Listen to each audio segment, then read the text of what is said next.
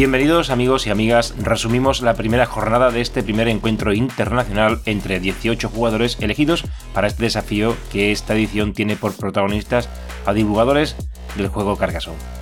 Los primeros duelos de este encuentro ya han tenido lugar, todos con victoria o derrota, ningún empate, y todos disputados dentro de las dos últimas semanas de enero de este 2024. Los resultados de este primer envite han sido los siguientes: Lucas Gregorio 1, Vinicius Lesa 0, Nicolás Víctor 1, Dani García 0, Marco Rodríguez 1, Tom Hill 0, Joaquín Calzado 0, Matt Tucker 1, Kerry Ali 0, Melvin Cuaresma 1,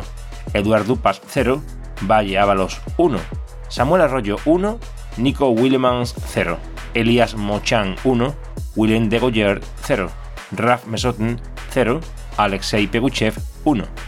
La clasificación da como empates a todos aquellos participantes con un punto, aunque en este momento se trata de un coliderato conjunto ya que los sistemas de desempate aplicarán cuando hayan transcurrido varias jornadas. No obstante, como líderes y colíderes se encuentran, tras esta primera ronda, a los ganadores Pitufo, Gina Gina, Manarori, Matt Tucker, Melvin, Valle, Samuel Arroyo, Elías Mochan y Alexei. Como perseguidores, con 0 puntos, Vini Lesa, Dani García, Tom Hill, Depok, Kerry Ali, Linkerson, Nico Willemans, Willen y Crafty Raff. Recordar que siempre será más decisivo el duelo particular entre los jugadores empatados, y como segundo sistema de desempate primará el número de victorias,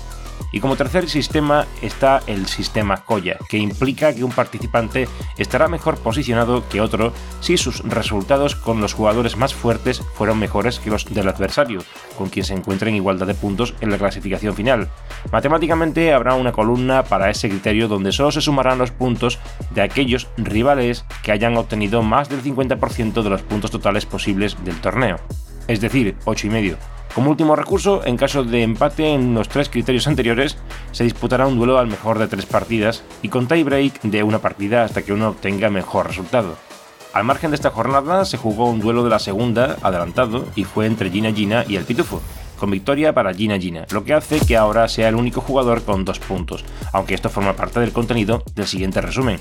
Y añadir que la interacción en el grupo de WhatsApp creado para el evento es de una calidad abismal, donde se aproveche para comentar todo lo relacionado con cambios de la puntuación ELO de BGA, algo que tiene mucha utilidad, teniendo en cuenta que quienes se reúnen en este grupo de amigos son nada más y nada menos que divulgadores del juego, fundadores de comunidades, streamers, bloggers, webmaster y este podcaster. Recordad que podéis seguir los resultados de este evento en la página oficial del software usado para la organización de los resultados, Chess Results, con un link directo desde la entrada del blog dedicada a este evento. En esa web podréis ver los emparejamientos de todas las rondas del round robin, los resultados, las clasificaciones, los cruces, etc. Y dentro del blog, en el post dedicado a este torneo, disponéis de los links a los jugadores, a sus duelos, el calendario global de competición y los horarios subidos de cada jornada, si hay o no streaming, etc incluso los episodios del podcast como este relacionados con esta competición. Tanto el blog Carcassonne Connection como el podcast, como cualquier acto divulgativo que realizo,